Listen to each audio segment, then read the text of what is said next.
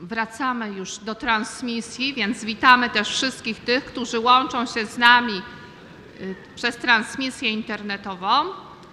I moi drodzy, po Eucharystii, którą przeżywaliśmy, można by powiedzieć, u stóp Matki Bożej, temat, który staje przed nami, też jest maryjny. Stąd też to wezwanie modlitewne było y, związane z Maryją, z niepokalaną bo ksiądz profesor Janusz Lekan przedstawi nam temat rola Maryi w budowaniu Kościoła żywego. Ksiądz profesor jest profesorem Katolickiego Uniwersytetu Lubelskiego w Katedrze Chrystologii i Personalizmu Chrześcijańskiego, redaktorem naczelnym półrocznika Towarzystwa Teologów Dogmatyków Teologia w Polsce, konsultorem Komisji Maryjnej Konferencji Episkopatu Polski, a od strony, można by powiedzieć, oazowej, towarzyszy cały czas pięciu kręgom. To jest, myślę, że bardzo budujące dla wszystkich kręgów domowego kościoła, że jeden kapłan w pięciu kręgach posługuje. I co roku też prowadzi rekolekcje domowego kościoła. Najczęściej są to orary. Także bardzo księdzu profesorowi dziękujemy za posługę w domowym kościele. A ksiądz profesor również w czasie 50-lecia y, diecezji, archidiecezji lubelskiej został, można powiedzieć, nie wiem, odznaczony, wyróżniony, otrzymał nagrodę Złotego Kłosa. To była taka nagroda specjalna dla osób, które w szczególny sposób, można powiedzieć, zasłużyły się czy wiele wniosły w historię archidiecezji lubelskiej. Choć ksiądz profesor jest kapłanem diecezji zamojsko-lubaczowskiej.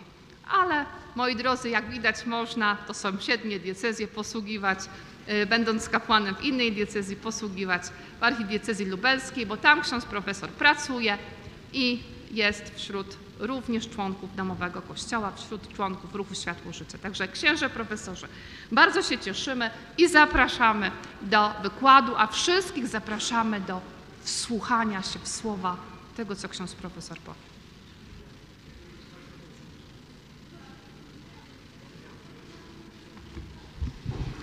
Bardzo dziękuję wszystkich tu obecnych, obecnych przez łącza.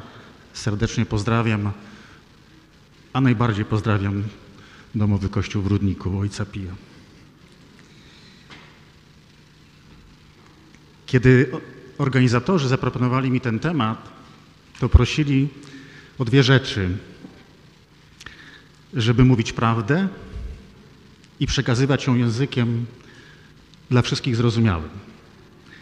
Pierwsze obiecuję, drugiego nie wiem, postaram się. I wiecie, co mnie ucieszyło, kiedy wchodziłem tutaj teraz do auli? Taka bardzo długa kolejka do kawy. To jest nadzieja, że, że jednak nie wszyscy usną. Chciałbym na początku rozpocząć od tego, żebyśmy spojrzeli na tytuł tego wykładu, co on nam obiecuje. Po pierwsze, trzeba postawić takie bardzo fundamentalne pytanie: czy można zrozumieć Kościół a jeszcze bardziej, czy można zrozumieć ruch światło-życie będący w Kościele bez Maryi? Odpowiedź jest krótka. Nie. Teologia, historia Kościoła mówią zdecydowane nie. Historia nam pokazuje wyraźnie, że tam, gdzie zabrakło zdrowej pobożności maryjnej, gdzie wykluczono z wizji Kościoła jego matkę, tam dochodziło do rozłamów, do schizm, do powstawania sekt. Po drugie, i chyba od tego też zaczniemy, może z, z mojej strony chciałbym sprecyzować, co rozumiem przez Kościół żywy. Najprościej zgodny z taką naturą, jaką dał mu jego założyciel – Zatem jest to Kościół Jezusa Chrystusa, czyli wtedy żywy, kiedy Chrystus jest w jego centrum. A więc jest to wspólnota bosko-ludzka, gdzie obok świętości obecnego Boga współistnieje grzeszny człowiek. Czyli to, co przeszkadza w żywotności Kościoła, mamy zmieniać w sobie, w nas, a nie w nauce Chrystusa. Bo jeśli Kościół obumiera, to w nas, a nie w Jezusie.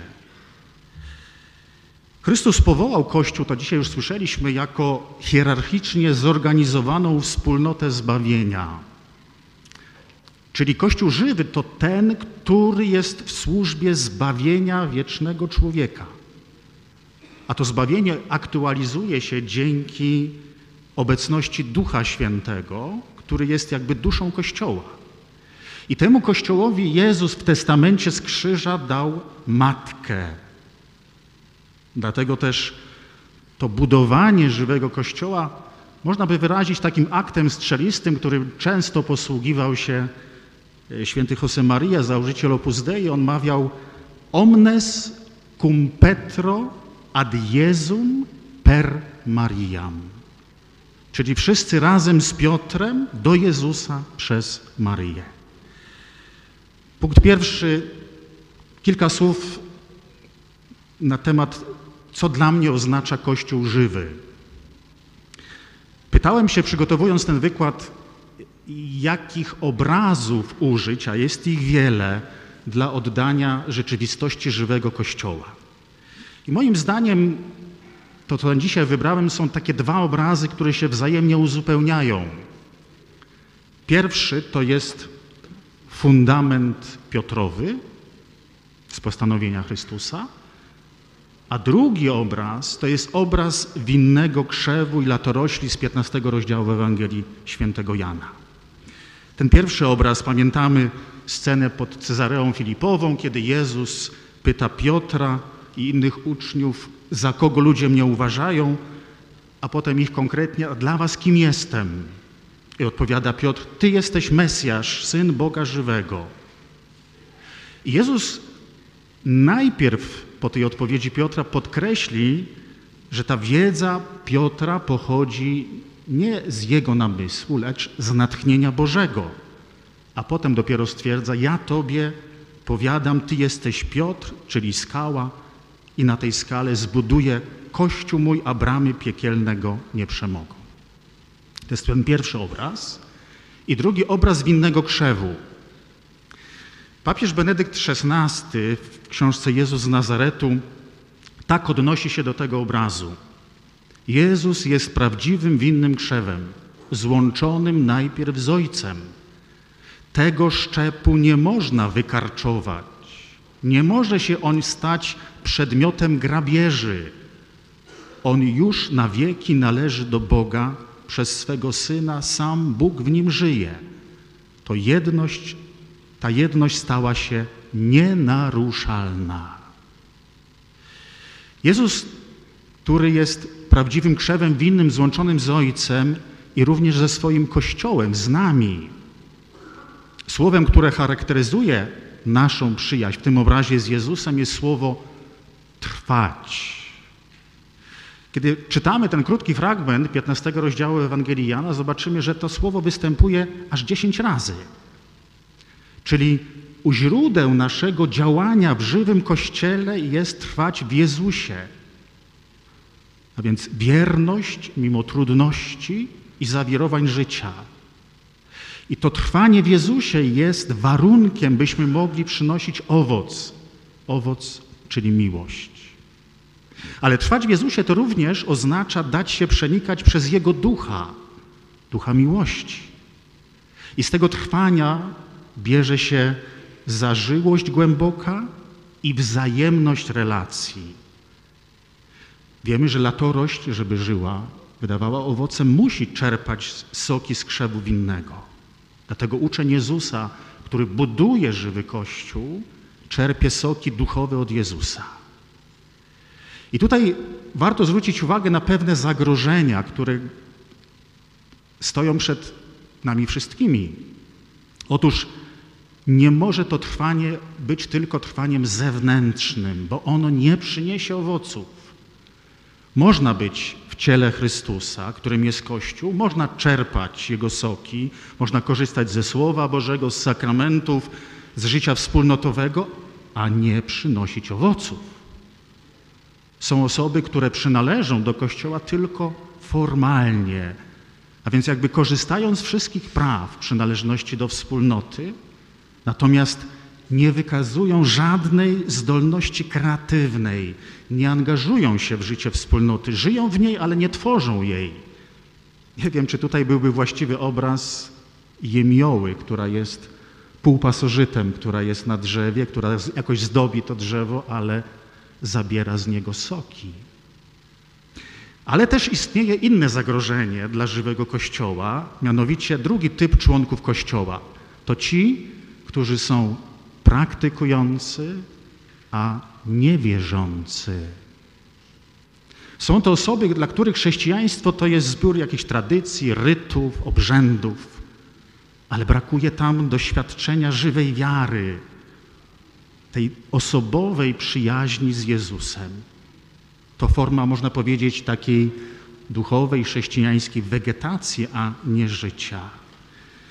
I Jezus przestrzega nas przed tym, kiedy mówi tej przypowieści: Ten, kto we mnie nie trwa, zostanie wyrzucony jak winna latorość i uschnie, i zbiera się ją i wrzuca do ognia i płonie. To jest ten obraz, przynajmniej w tych dwóch odcieniach żywego Kościoła. Ale teraz punkt drugi, spójrzmy krótko na relację, jaka istnieje pomiędzy Maryją a Kościołem. Myślę, że tę relację możemy odnaleźć w trzech odsłonach. Maryja jako uczennica, Maryja jako matka i Maryja jako oblubienica, albo dokładniej matka, bo oblubienica. I z tej relacji, z, tej, tych, z tych odsłon, z tego obrazu wynikają dwie relacje i dwie postawy. Pierwsza postawa to jest być uczniem Chrystusa, to być wiernym we wszystkim Chrystusowi. Nie można być uczniem Chrystusa na własną rękę według własnych pomysłów. I Jezus powołuje swoich uczniów do wspólnoty. Tak też do tej wspólnoty powołał swoją matkę. Kiedy patrzymy na scenę pod krzyżem, kiedy potem z dziejów apostolskich jesteśmy w wieczerniku, kiedy Maryja razem z uczniami oczekuje zesłania Ducha Świętego, to jest właśnie powołanie Maryi do tej wspólnoty, żeby być uczennicą Chrystusa. I druga, druga, druga relacja, druga postawa, która z tego wynika, to jest postawa duchowej płodności. Płodności, którą możemy nazwać, jeśli chodzi o żywy Kościół, przekazywać wiarę, rodzić do wiary, macierzyństwo Maryi właśnie dokonuje się w rodzeniu nowych uczniów Chrystusa do wiary. I spróbujmy teraz króciutko może do tych trzech obrazów się odnieść, tych obrazów relacji Maryja-Kościół. Ta pierwsza relacja to relacja uczennicy. Maria jest w Kościele jako uczennica, więc pytamy, jak, jaką jest uczennicą? I tutaj trzeba na chwilę zatrzymać się przy znanej nam dobrze scenie zwiastowania. Jan Paweł II przypominał, że zwiastowanie jest z pewnością momentem przełomowym, ale zarazem jest punktem wyjścia, od którego zaczyna się całe itinerarium ku Bogu, cała droga wiary Maryi. I teraz, żeby osiągnąć dojrzałą wiarę, żeby być dojrzałą uczennicą, potrzebny jest wysiłek całego życia Maryi. To trud wielki, bo od razu możemy mieć przed oczami niepokalaną, wolną od grzechu. Ale wolność od grzechu nie oznacza braku wysiłku, by żyć żywą wiarą, żeby zaangażować się osobiście na każdym etapie w żywy dialog z Bogiem. Wiara wzmacnia się pośród prób, pośród doświadczeń, a życie zgodne z jej wymogami, wiemy o tym dobrze, wymaga również ogromnego wysiłku ducha. I teraz krocząc po tej drodze wiary, każdy z nas doświadcza, myślę, że mogę tak powiedzieć, że Maryja rzeczywiście stała się matką wszystkich wierzących.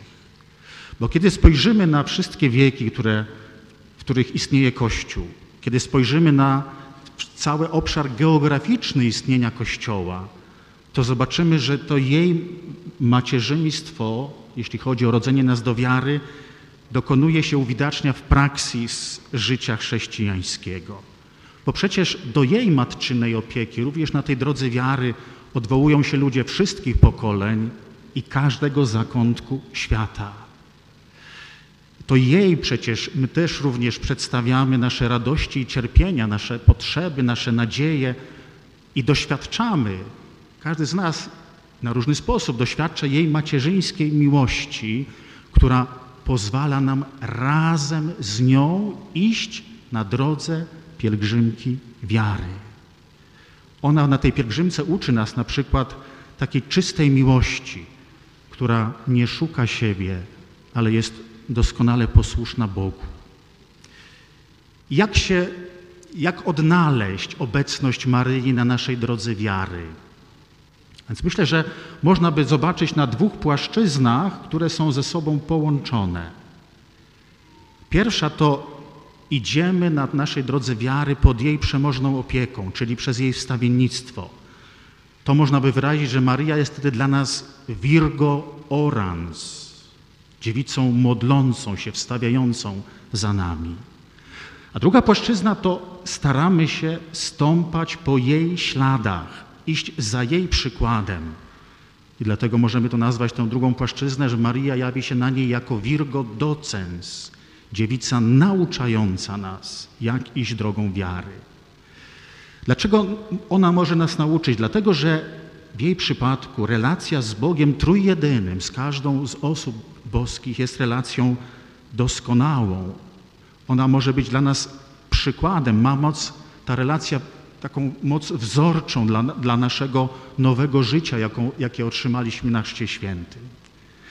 Dlatego maryjny obraz tego, jak realizować nasze relacje z Bogiem Trójjedynym, to nie jest jakiś upiększający dodatek, jakieś coś, co wypływa tylko z emocji.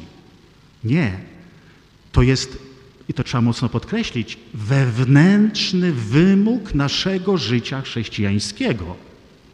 Najpierw uczymy się od niej i razem z nią uwielbiać Boga za wielkie rzeczy, które nam uczynił, za to, że Bóg stał się dla nas środowiskiem życia. Przez Chrzest Święty zostaliśmy to środowisko Bożego życia włączeni. Czasami e, zdarzają się takie mm, głosy wśród ludzi wierzących, którzy mówią, Maria jest tak doskonała, jest tak odległa od nas, że trudno ją mieć jako kogoś, kto pielgrzymuje przy nas, czy też iść razem z nią. Otóż absolutnie nie, odwrotnie. Papież Benedykt XVI w encyklice Deus Caritas Est pisał, kto idzie do Boga, nie oddala się od ludzi, lecz staje się im realnie bliski. U nikogo nie widzimy tego lepiej niż u Maryi. Słowa ukrzyżowanego do umiłowanego ucznia Jana, przez niego do każdego wierzącego ucznia Jezusa, oto Matka Twoja, stają się na nowo prawdziwe w każdym pokoleniu. To właśnie Maryja jako uczennica, jednocześnie Matka naszej wiary. To jest ta, ten pierwszy, pierwsza odsłona relacji Maria, żywy Kościół. Druga, Maria jako oblubienica, czyli żywa, egzystencjalna świątynia Boga. Maria jako oblubienica pokazuje nam, kim naprawdę jest nasz Bóg. Ten największy, niezgłębiony przez przyjęcie ludzkiej naszej natury staje się małym. Możemy się z nim zjednoczyć. Nie może istnieć bardziej ścisła jedność Stwórcy i stworzenia od tej pory. I to przesłanie, które płynie z tej jedności dla nas wierzących, dla nas, dla żywego Kościoła, jest jasne i pełna nadziei. Jest możliwym dla człowieka, dla mnie i dla Ciebie stać się Christoforos, czyli nosicielem Chrystusa. Narodziliśmy się z miłości, zdążamy do miłości, jesteśmy wezwani, aby miłość rodzić. I każdy nowy chrześcijanin to jest nieomylny znak, że Bóg nie zmęczył się człowiekiem, że Bóg pragnie kontynuować historię głębokiej, trwałej miłości z człowiekiem, miłości oblubieńczej. I w tej perspektywie każdy z nas może widzieć historię swojego własnego życia jako dzieje oblubieńczej miłości Boga. Ale dobrze wiemy, że relacja oblubieńcza dokonuje się w Duchu Świętym. Możemy więc zapytać, jak Maryja w tej relacji z Duchem Świętym rozwija swój charyzmat. Najprościej powiemy tak, z wyboru Bożego stała się Teotokos i potem to swoje bycie Bożą rodzicielką przenosi na nas, staje się matką duchową ludzi, uczniów Jezusa, matką w nowej rodzinie, jaką jest Kościół. Bo jej macierzyństwo, to duchowe wobec nas jest wypełnieniem, doskonałym wypełnieniem słów Jezusa. Moją matką i moimi braćmi są ci, którzy słuchają Słowa Bożego i wypełniają je. Któż lepiej słuchał Słowa Bożego? Któż lepiej to Słowo Boże wypełnił jak nie Maryja? I podobnie jak ona dzięki oblubieńczej miłości wobec Słowa przedwiecznego stała się matką Słowa wcielonego, tak samo dzięki pełnemu wejściu przez miłość w zbawczą ofiarę Chrystusa stała się matką Kościoła. Matką Chrystusa wcielającego się w członki swego ciała mistycznego, czyli stała się uczestniczką oblubieńczej relacji Jezusa z Kościołem, czyli Maryja oblubienica. I trzecia odsłona, która wydaje mi się też pokazuje doskonale tę relację Maryja-Kościół, to jest odsłona, którą ja nazywam Maryja jako socia redemptoris. Co to oznacza? Otóż tytuł socia redemptoris, czyli pomocnica odkupiciela, czy towarzyszka odkupiciela, wyraża właśnie jakby konkretyzuje tę relację oblubieńczą. Od świętego Augustyna to, to rozumienie Maryi jako tej pomocnicy odkupiciela oznacza z jednej strony doskonałe zjednoczenie z Jezusem i z Jego zbawczym planem, i po drugie doskonałe podporządkowanie się temu zbawczemu planowi. Współpracownica, ale oczywiście pamiętamy, że nigdy na tym samym poziomie zbawienia, jakim dokonuje to jedyny odkupiciel. I w tle tego obrazu widzimy Boży zamiar mianowania człowieka. Czyli w Maryi widzimy, że Bóg mianuje człowieka, ciebie i mnie, jako współpracownika nie tylko własnego zbawienia, ale i zbawienia innych. Święty Paweł powie, my bowiem jesteśmy pomocnikami Boga, gdzie stwierdza rzeczywistą możliwość współpracy człowieka z Bogiem. Na czym polega nasza współpraca? Przede wszystkim na głoszeniu Ewangelii i na tym osobistym życiowym wkładzie, aby ta, wkładzie, aby ta Ewangelia mogła zakorzenić się w ludzkich sercach. Ktoś kiedyś tak bardzo trafnie powiedział, że y, może być tak, że ktoś, kto spotka Cię na drodze, w Tobie będzie czytał jedyną Ewangelię w swoim życiu. Dlaczego Maryja jest tą szczególną pomocnicą w tej relacji kościo z Kościołem? Otóż my możemy współpracować w zbawieniu swoim czy innych dopiero po Kalwarii. Natomiast Maryja współpracuje już podczas samego wydarzenia męki i śmierci Jezusa jako matka. I jej współpraca rozciąga się na całe zbawcze dzieło Chrystusa, bo tylko ona zostaje włączona w ofiarę odkupieńczą, która stała się przecież źródłem zbawienia dla wszystkich ludzi. A więc matka jest zjednoczona z synem w tym samym celu, żeby wyjednać łaskę zbawienia dla całej ludzkości. Oczywiście nie zapominając, że mimo tej szczególnej współpracy dla zbawienia innych, zbawienie przeznaczone jest także dla niej. Ona jest pierwszą odkupioną przez Chrystusa w sposób najdoskonalszy, co rozważamy, medytujemy w tajemnicy niepokalanego poczęcia. I pamiętajmy, że ta współpraca Maryi w tym dziele, do czego został powołany Kościół, a więc do zbawienia ludzi, to jest wynik zamysłu Bożego, nie wynik jej inicjatywy, tylko wynik zamysłu Bożego.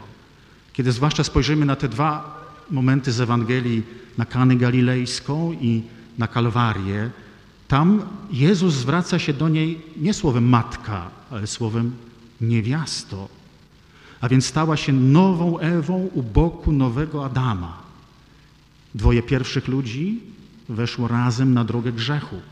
Dwoje nowych ludzi, Syn Boży wcielony i współpracująca z nim matka, ma przywrócić rodzajowi ludzkiemu jego pierwotną godność. To, jest, to są te trzy odsłony, te trzy odsłony, które, które mówią o tej relacji Maria, e, Kościół, a więc uczennica, ulubienica i pomocnica w zbawianiu. Widzę, że nie wszyscy jeszcze śpią, to z czego się bardzo cieszę. Mam nadzieję, że mniej więcej śledzicie tok tego wykładu. Przejdźmy teraz do trzeciej, wydaje mi się, najważniejszej części. Co to oznacza dla nas? Czyli spoglądając na relację Maryja-Kościół, Maryja, która ma pomóc, jak nam ma pomóc budować żywy Kościół w nas i przez nas. Ten wymiar trochę może bardziej praktyczny. Zgodnie z drogowskazami nowego człowieka, nasza obecność w żywym Kościele to uznanie Jezusa za jedyną drogę do Ojca i współpraca z Duchem Świętym na wzór i pod opieką Maryi. Tak czytamy drogowskazach nowego człowieka. Jak więc w tych trzech wymiarach uczennica, oblubienica i pomocnica Chrystusa Maryja może stać się dla nas bardzo konkretną pomocą i wzorem? Uczennica Chrystusa to po pierwsze nauczycielka mojej wiary. Można powiedzieć, że i to jest najoczywistsza prawda potwierdzona przez wieki Kościoła, że wiara chrześcijanina odnajduje w Maryi drogę pewną. Jan Paweł II przez swoje hasło, przecież totus tuus, uczył nas, jak przeżywać swoje powołanie razem z Maryją, patrząc na nią oczami wiary. Jak można by tutaj praktycznie odnaleźć Maryję w tym, w tym życiu wiarą? Myślę, że przynajmniej kilka punktów e, nasze kroczenie też tą pewną drogą wiary. Po pierwsze, Maryja pomaga nam kontemplować oblicze Jezusa. To jest różaniec. To jest ta piękna, bardzo trudna modlitwa medytacyjna. Po drugie, Maria pomaga nam wierzyć w prawdziwość Słowa Bożego i zachowywać je w swoim sercu. Tak jak ona, medytować je w swoim sercu, nosić je w swoim sercu. Dalej, ona pomaga nam umacniać wiarę w chwilach próby, bo takie chwile próby sama przeżyła. I wreszcie pomaga nam działać w posłuszeństwie wiary. Nie na własną rękę, ale w posłuszeństwie wiary. I na tej drodze trzeba jednak przynajmniej co pewien czas świadomie stawiać sobie pytanie, na ile Maryja jest nauczycielką mojej osobistej wiary, przeżywanej w sercu i przeżywanej w czynie, w kościele i na świecie.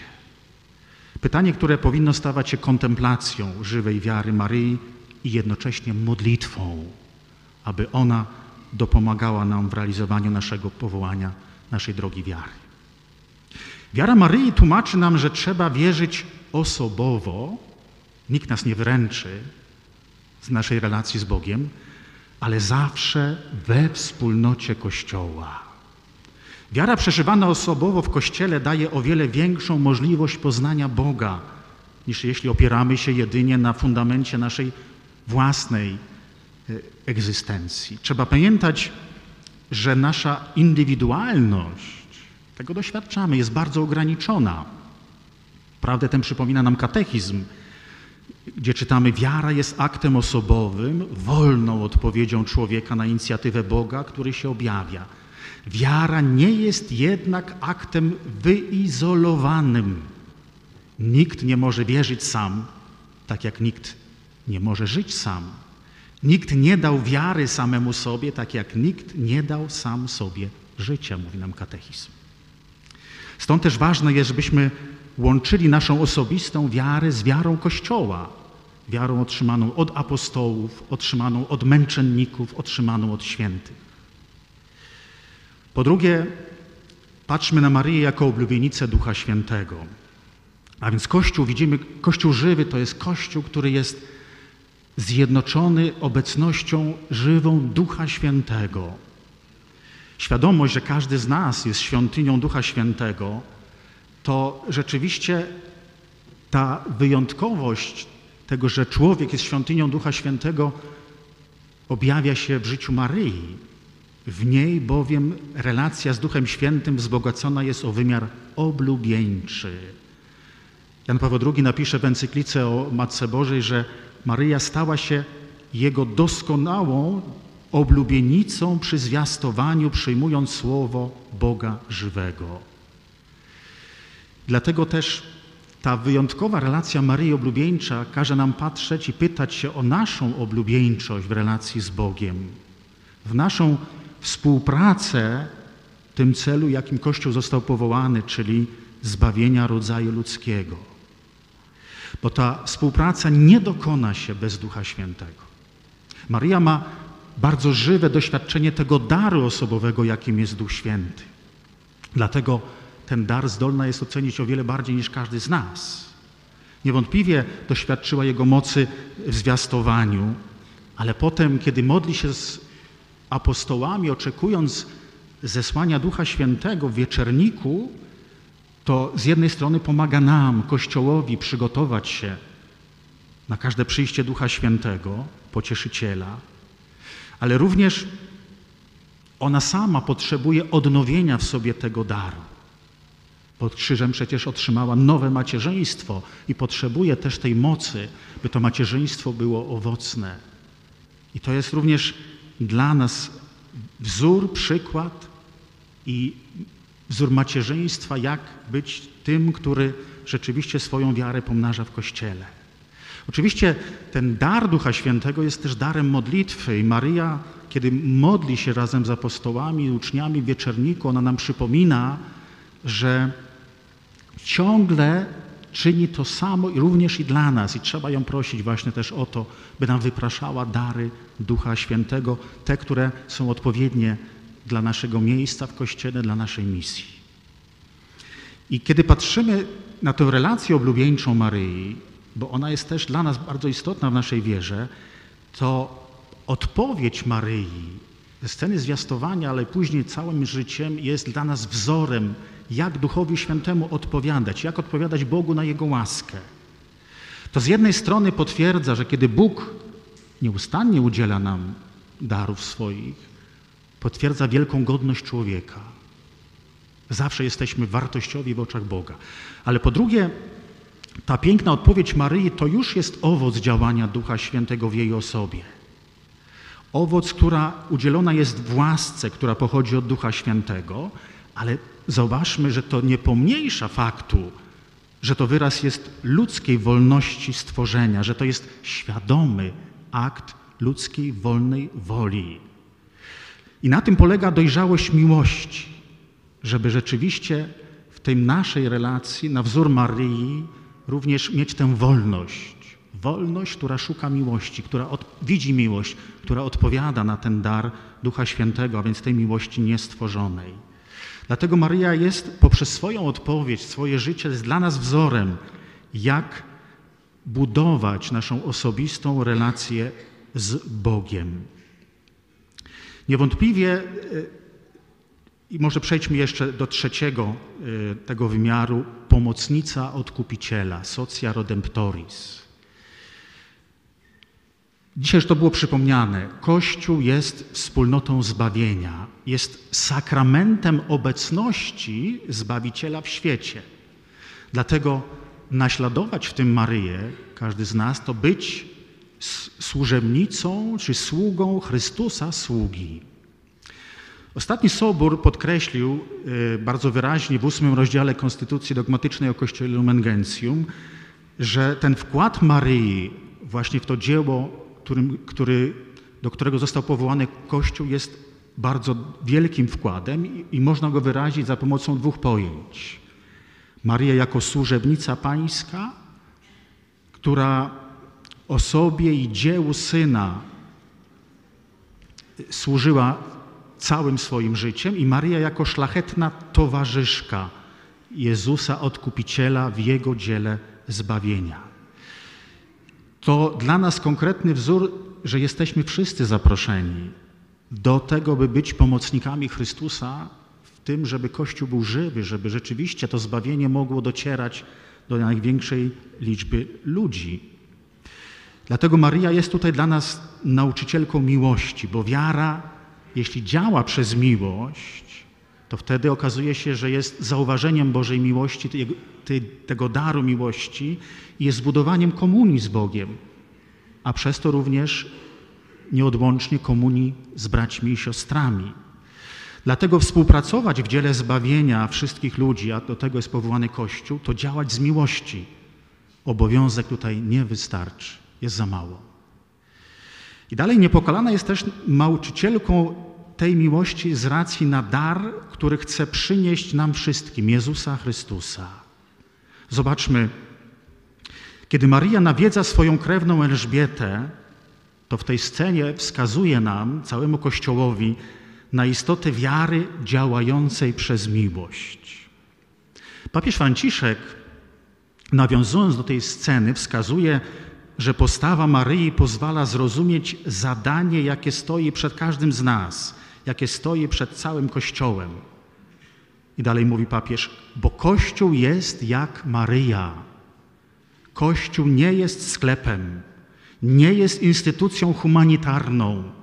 Kościół nie jest organizacją pozarządową. Kościół jest posłany, by nieść wszystkim Chrystusa i Jego Ewangelię.